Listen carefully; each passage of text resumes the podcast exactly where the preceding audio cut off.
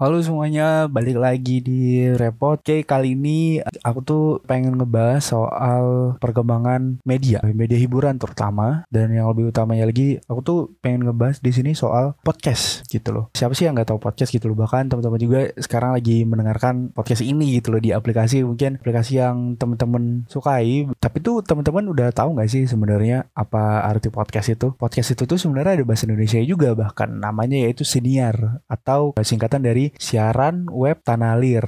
Nah, atau biasa bahasa Inggrisnya itu podcast. Nah, sinarnya adalah serangkaian berkas media digital, baik audio maupun video, yang diterbitkan sewaktu-waktu dan sering diunduh melalui sindikasi web. Podcast di sini tuh biasanya tuh berisi obrolan, durasi biasanya bermacam-macam sih ya. Saya, aku tuh pernah dengerin podcast tuh cuma satu menit gitu ada dan ada yang setengah jam ada yang satu jam atau bahkan ada yang dua jam gitu loh nah podcast itu biasanya isinya topik yang menarik nah kalau di podcast ini topik obrolan itu bisa sesuai yang kita pengenin gitu yang kita gemari lah ibaratnya mulai dari kita olahraga horor komedi hingga ya kalau misalnya kita ya udah pengen denger yang lucu-lucu aja ya udah kita dengerin obrolan orang yang ngalur ngidul aja gitu loh. Nah kenapa sih sebenarnya perkembangan hiburan media ini aku tuh pengen angkat podcast. Karena seperti yang teman-teman tahu di masa pandemi ini sekarang tuh kita kayak udah males gitu gak sih? Kayak untuk menonton atau kayak udah udah semager itu ibaratnya untuk kita cuma nonton video YouTube aja tuh udah males. Kayak kita tuh pengen sedangkan kalau misalnya YouTube-nya yang nggak premium kalau misalnya dimatiin itu kan langsung mati juga kan video YouTube. Saya aku pribadi itu tuh kayak buat pengantar tidur aja gitu loh. Kalau misalnya tahu lagi ngerjain tugas gitu loh, tanpa harus uh, ngeliat videonya. Jadi cuma suara aja gitu loh. Nah makanya booming lah podcast ini atau senior ini terutama di masa pandemi ketika kita tuh semua work work from home kan kayak kita mengerjakan semuanya di rumah dan kita uh, butuh hiburan tapi kita tuh nggak bisa ngelihat videonya juga gitu loh karena kita lagi ngerjain sesuatu nih. Nah jadi muncullah